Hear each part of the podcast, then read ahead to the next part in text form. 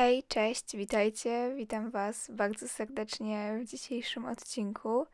Dzisiaj porozmawiamy sobie trochę o idolach, o takiej w sumie dosyć toksycznej relacji z idolami. Ta relacja jest toksyczna, ale z drugiej strony jest bardzo powszechna, zwłaszcza wśród nastolatków. Ja sama byłam w takiej relacji, także doskonale to potrafię zrozumieć. Więc tak, współcześnie wydaje mi się, że naprawdę dużo osób, może nawet bym powiedziała większość, chociaż nie wiem, może niekoniecznie większość, ma właśnie takich swoich idoli, czy osoby, którymi się po prostu inspirujemy, które są dla nas jakimś wzorem, inspiracją, autorytetem. Zwłaszcza obserwuję to wśród nastolatków, bo o tym będę tutaj głównie mówiła.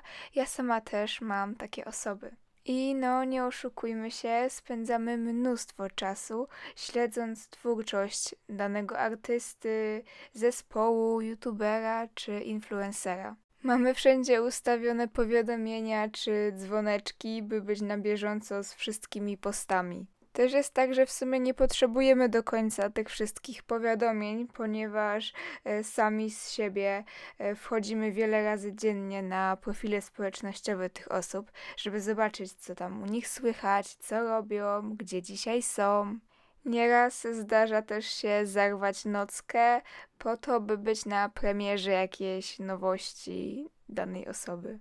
Wszystko byłoby fajne, gdyby nie to, że zaczynamy żyć życiem naszego autorytetu. Żyjemy od jednego koncertu do drugiego, od nowości do nowości. Obsesyjnie tak wręcz odświeżając media, czy przypadkiem ktoś nie dodał czegoś nowego, a nasz dzwoneczek nas o tym nie poinformował. Z biegiem czasu zaczynamy żyć problemami tej osoby, marzeniami czy czymkolwiek innym. Oczywiście cieszenie się czyimś szczęściem, czy współczucie i troska w nieszczęściu są jak najbardziej czymś dobrym. Wiadomo, że kiedy ktoś jest dla nas ważny, to po prostu interesujemy się jego życiem, wykazujemy troskę i empatię.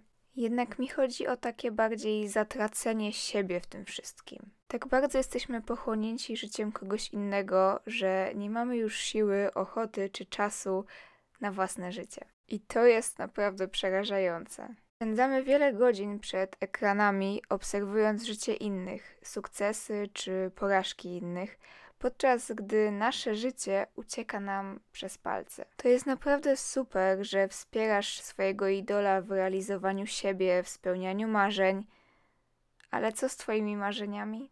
Leżą gdzieś zakurzone i się marnują. Szczerze, to ja również byłam w takim miejscu. Byłam za bardzo pochłonięta idolami, że sama nie wiedziałam, czego tak naprawdę chcę. Nie wiedziałam nawet, że mogę czegoś chcieć, bo przecież mój idol był szczęśliwy, więc mi w tamtym momencie nic więcej teoretycznie do szczęścia nie było potrzebne. Ale a ja, a moje szczęście? Gdzieś tak podświadomie czuję się wtedy taką pustkę i frustrację. Wasze cenne, jedyne życie wam mija, a wy tak naprawdę nic nie robicie. Może wspieranie idola daje taką chwilową radość, ale czy po przeglądaniu jego, jej mediów czujesz się naprawdę szczęśliwy, spełniony?